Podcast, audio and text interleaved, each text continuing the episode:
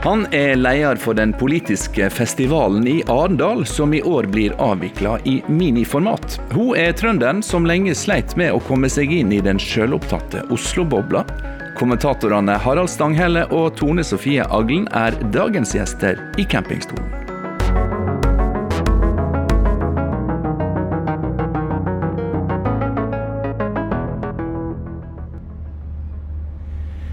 Gode lytter, god fredag og vel møtt til den aller siste utgåva av sommerserien 2 i campingstol, som har rulla og gått på NRK P2 i seks uker. På sin siste reis er campingstolene kommet til Arendal, der Aftenposten-kommentatoren Harald Stanghelle og VGs Tone Sofie Aglen har sessa seg. Velkommen begge to. Tusen takk. Nå sitter vi altså på et uh, hotelltak og skåer utover innseilinga til Arendal. Det er merkverdig stille i byen i forhold til det det skulle ha vært, Harald Stanghelle. Uh, du er leder for denne Arendalsveka som i et normalår samler 100 000 mennesker. Nå er det ikke folketomt, men det er ganske lite folk. Det skulle jo ikke vært stille her nå. Det skulle jo syde av liv, av samtale, av eh, debatt av eh, alle disse sosiale møtene i stort og lite format som utgjør eh, dette som jeg kaller det demokratiske dansegulvet eh, som Arendalsveka er.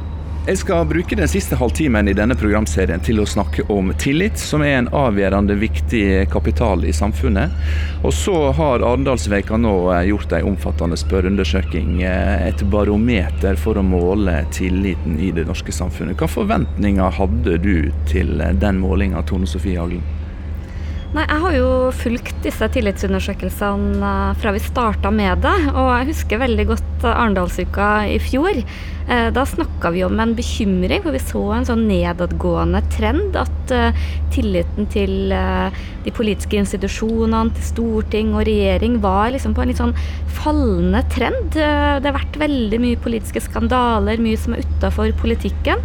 Men så så vi altså nå at det var et kjempeoppsving rundt omtrent alle institusjoner, og i særdeleshet regjeringa.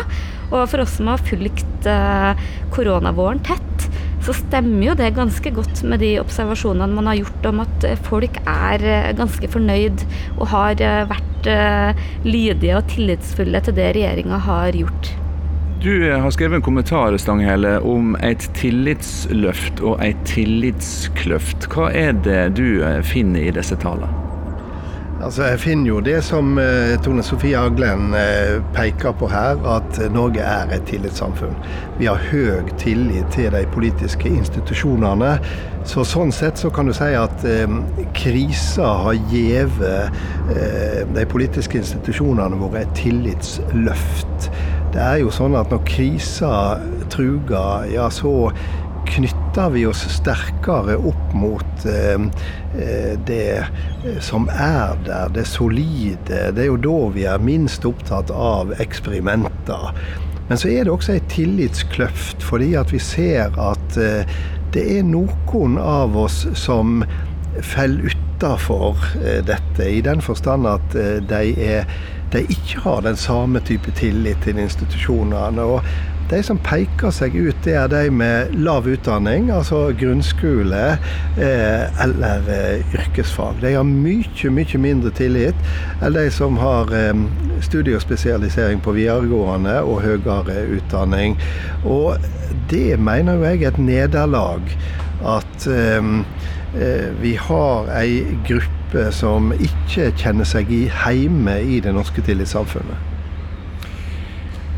Tilliten til samfunnsstrukturene er låg i grupper med låg utdanning, sier du. Og nettopp utdanning Tone Sofie, er jo et av de eh, feltene der skilnadene i samfunnet øker, fordi det er flere som tar høyere utdanning, samtidig som det er flere som dropper ut tidlig av utdanningsløpet. Eh, er dette noe vi bare kan trekke på skuldrene av, eller bør vi uroe oss for, for en alvorlig utvikling? Nei, Jeg syns den uh, tillitskløfta er bekymringsfull. Og jeg tror ikke løsninga på det er at uh, alle mennesker skal uh, ha ut, universitetsutdanning. Det er ikke det som er veien ut. Men vi er nødt til å, til å ha et samfunn hvor vi har politikere, hvor vi har media, hvor vi har institusjoner som eh, gjør at alle føler seg sett og hørt og representert uavhengig av uh, hva slags bakgrunn man har. Og vi har liksom en sånn tendens til å tro at det er liksom unge, opprørske folk som uh, er de som har lav tillit, men sånn er det faktisk ikke. Den, den mest tillitsfulle borgeren, hvis jeg skal være litt sånn spissformulert, det er en uh, velutdanna ung kvinne som bor på um, Kampen i Oslo som stemmer SV. Mens du liksom i motsatt ende av skalaen så har du en godt voksen mann som stemmer Frp og, og bor på Loppa og har lav utdanning. Så der har du liksom de to uh, ytterfeltene, og jeg tror det er utrolig viktig at politikken klarer å, å, å, representere begge de gruppene godt nok. Og det er jo alltid frykten for at det er kanskje særlig de med høy utdannelse som er liksom en del av en viss elite, som føler seg representert. Men hva er mekanismene i dette forholdet mellom låg utdanning og låg tillit til samfunnsstrukturene? Hvorfor er den koblinga så tydelig? her? Ja, det er et uh, stort spørsmål, og jeg er ikke helt sikker på om jeg har det enkle svaret på det. Men jeg tror det går på eh, noe av det som eh, Tone Sofie Aglen så godt formulerer, men også noe med at det finnes ei gruppe hos oss som føler at det er ingen som snakker til deg. Det er ingen som snakker med deg. og da er du tilbake til det med å bli representert. Vi skal ikke sitte her og fornekte motsetninger i et samfunn. Det er ikke det dette dreier seg om. Det dreier seg om eh, å ikke gjøre grep i et samfunn som øker i polarisering som ikke trenger, trenger være der. Kunnskap er makt, eh, har vi hørt. Eh, er disse funnene i, i dette tillitsbarometeret også et uttrykk for avmakt, Tom Tone Sofie? Ja, og i hvert fall hvis du ser på de lange trendene. Eh, for det med at folk med både lav utdanning og ikke minst de som er utafor arbeidslivet, det ser vi også at de har eh, lavere tillit. Det er jo ikke noe vi ser bare i Norge. Det er som Harald Stanghelle sier, det er jo noe vi ser eh, globalt. Men eh, det er også noen andre faktorer, hvis vi borer litt i tallene. Eh, innvandring er et spørsmål hvor vi ser at eh, de som er kritiske til innvandring, de har markant lavere tillit eh, til politikere enn enn de som ikke har det. Og det er jo årsaken til at uh, Frp er et parti som skiller seg veldig ut med å ha mange velgere som uh, um, har lav tillit. Og samtidig så er det positivt at de faktisk stemmer. Istedenfor å sitte hjemme, så har de funnet et parti som de føler ser dem og representerer dem. Og det, det, det er en del sånne ting som vi må være litt sånn bevisst på. For jeg tror vi har veldig lett for å tenke at folk er dumme, eller folk ikke skjønner sitt eget beste. Og jeg tror i hvert fall det er noe som bidrar til å polarisere ytterligere. Før eh, koronakrasjen eh, traff oss eh, midtskips, så hadde vi lagt bak oss et år, drøyt det, med flere, skal vi kalle det for folkeopprør. Vi hadde bompengeopprør, vi hadde ferjeprisopprør og flere opprør. Og Jeg intervjua i den forbindelse en forsker som sa det at på verdensbasis så har vi mer opprør nå enn vi har hatt på 100 år. Er dette uttrykk for ei, hva skal vi si, ei avskalling i demokratiet? At folk tyr til eh, hva skal jeg si, egne opprør i stedet for å uttrykke seg i, i de etablerte strukturene? Altså nå eh, er det jo noe sunt ved opprør også, da. Sant? Altså at en, at en sier fra og en engasjerer seg. Så jeg er ikke med på at alle typer opprør er, er, er negativt. Men det som er et, et, skremmende bilde, det er jo at de etablerte politiske partiene ikke når fram i mange land. Og at det fører til opprør eh, uten politisk eh, hode og hale, for å si det sånn. Det er protesten i seg sjøl, uten at en kan, kan eh, se et, et, alternativt politisk eh, system eller alternativ politikk i, i dette. Og da blir det noe destruktivt over det. Det blir en ustabilitet som jeg tror denne verden ikke eh, har godt av når en ser de felles utfordringene som er. Også fordi at det er ofte i nasjonalistisk retning. Det, det, det er ofte i en, en, en retning som, som, er brutal i sin eh, debattform. Eh, og vi ser jo også at vi har ei verd der fakta er devaluert som verdi i den politiske debatten. Dette er sommerserien to i campingstol i aller siste utgave med kommentatorene Harald Stanghelle og Tone Sofie Aglen som gjester i Arendal.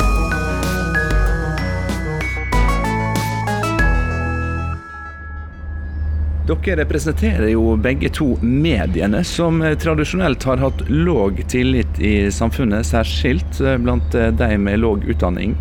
Nå viser dette tillitsbarometeret som Arendalsuka har fått laga, at eh, bare 14% uttrykker tillit til sosiale medier, men nesten halvparten foretrekker sosiale medier for å nå ut med sin sak. Hva er dette uttrykk for, Tone Sofie? Nei, Vi så det i hvert fall veldig tydelig under pandemien i, i vinter og vår at uh, folk hadde et enormt informasjonsbehov. Og vi så hos VG, hvor jeg jobber, så var det helt uh, enorme lesertall som man aldri har sett maken til. Uh, og, og, det tror jeg egentlig vi skal være ganske glad for. For uh, jeg tror folk lett i en sånn situasjon kunne ha etterspurt mer sånn alternative fakta, eller mer sånn konspiratoriske, lette plasser på nettet. Men isteden så gikk de til massemediene. Og jeg vet i hvert fall at vi brukte enormt mye ressurser på kvalitetssikre, være veldig forsiktig både med vinklinger og hva vi meldte ut. For det, det var en sånn flom av tips og, og, ting man kunne plukke opp overalt. Og veldig sånn stort eh, rom, egentlig, eh, for at ting kunne spre seg og skape panikk og feilaktige bilder. Så jeg tror nok at eh, koronaen har nok gitt et, et, veldig sånn eh, løft til politikerne, men det har også gjort det til de tradisjonelle redaktørstyrte mediene.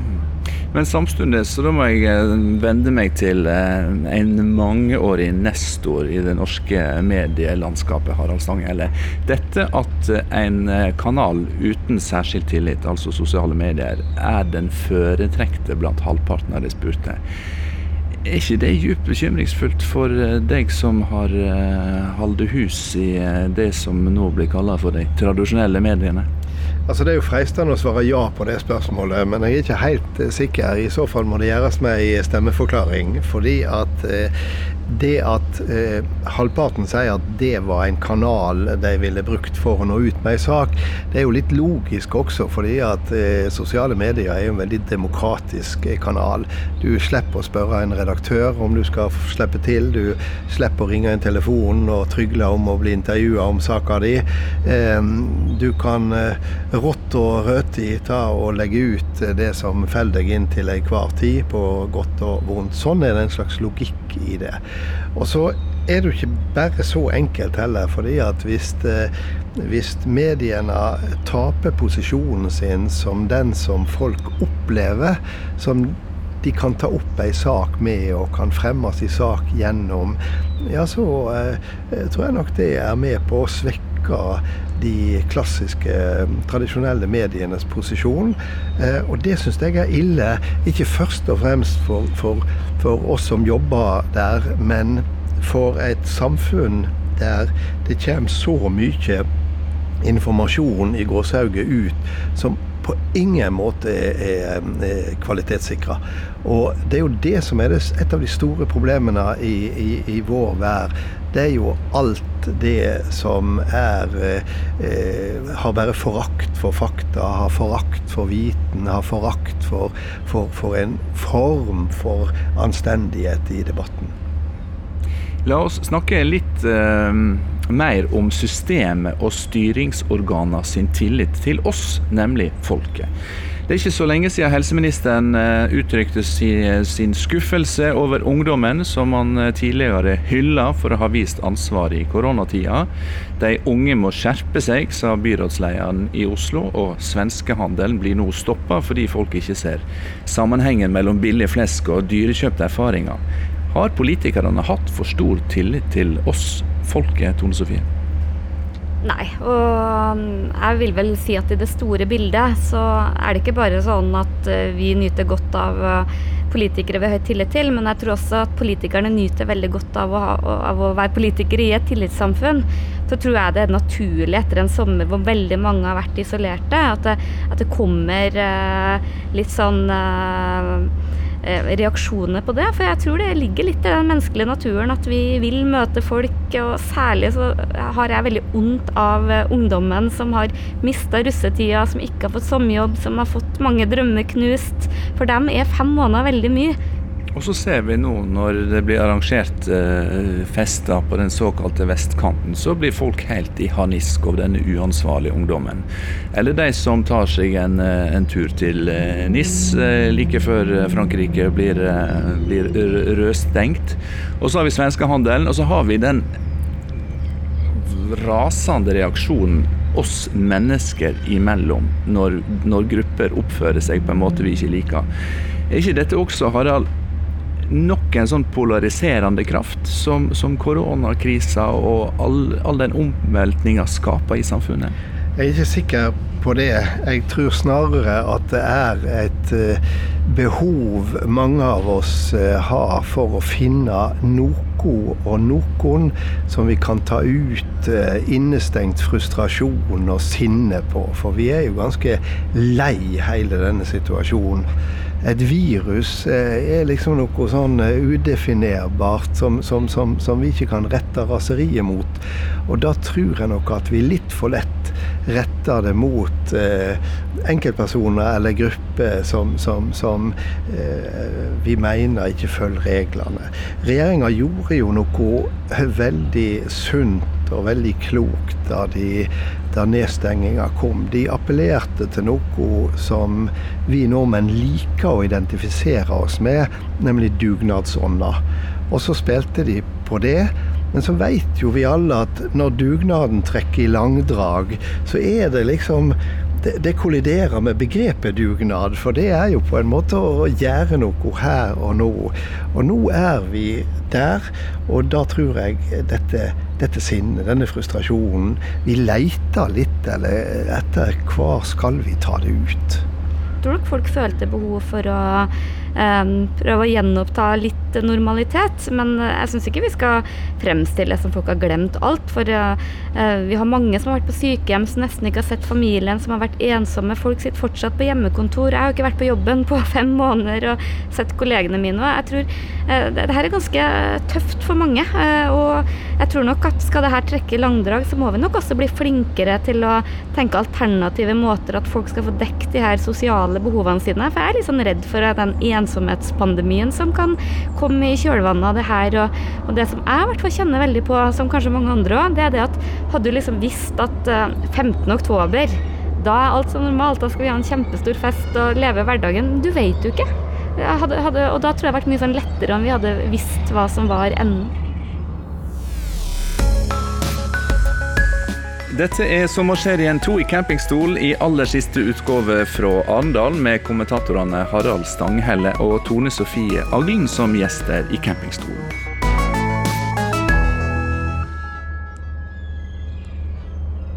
Hvis vi går fem måneder tilbake i tid, eh, da regjeringa stengte Norge ned, så sa de at dette er i tråd med faglige råd de har fått men så viste det seg etter hvert at de hadde ikke fulgt alle rådene de hadde fått fra Folkehelseinstituttet. Nylig har vi hatt en gransking eh, framlagt av Nav-skandalen, som avdekka full svikt i alle statsmakter, og vi har hatt en kontroversiell tilsetting av en oljefondssjef. Hver for seg store potensielle skandaler som ikke ser ut til å ødelegge den grunnleggende tilliten likevel. Hva er forklaringa på det? Nå ser jeg på begge to. Koronapandemien har jo skygga over det meste, men jeg tror nok kanskje at de sakene er litt for sånn tekniske, eller litt for langt unna til at uh, den vanlige mannen i gata kjenner veldig på det, hvis jeg skal komme med en spådom, da. Vi har en grunnleggende tillit i bånn. Altså denne tillitskapitalen er ganske stor eh, mellom styresmakter og, og, og, folk flest. Eh, og da er det klart at skandaler her og skandaler der, det, det, det tærer jo på kapitalen. Men den, det, det, er akkurat som den den er stor nok til at dette, dette holder. Vi tror jo egentlig at motiver til styresmaktene er, er, ganske ok. Altså Vi tror at de i, i, prinsippet vil oss vel. Og vi tror i alle fall ikke at eh, statsråder eller stortingsrepresentanter agerer som de gjør eh, fordi noen har eh, betalt i masse penger for å motarbeide eh, våre interesser. Denne grunnleggende tilliten til motivene våre, sjøl når vi litt spissformulert trekker de i tvil av og til, den tror jeg kanskje vi undervurderer. Jeg starta denne programserien på NRK P2 eh, tidligere i sommer med Trine Skei Grande, avtroppende leder for Venstre. I går deltok hun på sin aller siste partilederdebatt her i Arendal. Eh, og det er om lag ett år til valgkampen for stortingsvalget 2021 starter for alvor. Hva har vi i vente, hvis vi nå tar med oss de fem månedene som ligger bak, når vi ser på de neste 12-14? Jeg tror det er veldig avhengig av hvordan eh, pandemien utvikler seg. Eh, eh, jeg tror veldig mange politikere nå var klar for å begynne å snakke om politikk igjen, og snakke om veien ut av krisa.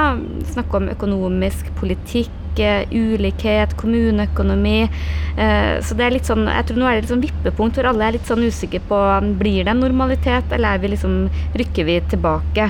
Men jeg tror vi får en et politisk år som vil handle veldig mye om arbeidsledighet. Men så vil det jo også være et kjør som handler om å ha den tilliten til å styre landet. Og så er det ganske små faktorer som kan avgjøre hvem som styrer, for vi har en sperregrense. Og mye vil handle om klarer Venstre og KrF å komme seg over. Klarer MDG og Rødt å gjøre det? Det vil være veldig viktig. Og så er vi også spent på hvordan Fremskrittspartiet utvikler seg. Om de klarer å ta tilbake litt av sin gamle rolle i opposisjon og kanskje lokke noen eh, velgere tilbake fra Senterpartiet. Det tror jeg i hvert fall er litt sånn avgjørende for om, om det blir et jevnt valg. Harald, vi har jo sett i krisetider at uh, både regjering og storting har en tendens til å samle seg om felles uh, mål, og oppføre seg uh, kanskje enda mindre som politikere vi ellers kjenner dem. Kan vi, hvis denne krisa ikke avtar i omfang og styrke, kan vi regne med en snillere og mer slappere valgkamp, eller kan det bli stygt også? Altså, jeg tror i hvert fall ikke at politikerne er interessert i en snillere og slappere valgkamp. Men det som kan bli en utfordring for mange av de, det er jo å synliggjøre hvor de egentlig er usamde. Fordi at mange av disse krisepakkene er en jo stort sett eh, samde om. De store løfta er det også tverrpolitisk eh, semje om. Og da kan det være vanskelig å gå ut i en valgkamp og late som en er grunnleggende usamde om eh, løsningene. Så sånn sett så blir jo dette, eh, også ut ifra det perspektivet, en veldig spennende valgkamp. Kanskje også annerledes valgkamp, men, men, men eh, vi vet jo egentlig ingenting. Vi sitter her i august 2020, og hvor vi er som samfunn og som vær i august og september 2021. Det, jeg kjenner ikke ett, ett vettugt menneske som tør spå noe sikkert om det. Det er mye lettere å snakke om tida som var, f.eks. sommeren. Når sommeren kjem, da blir det fint det fjell.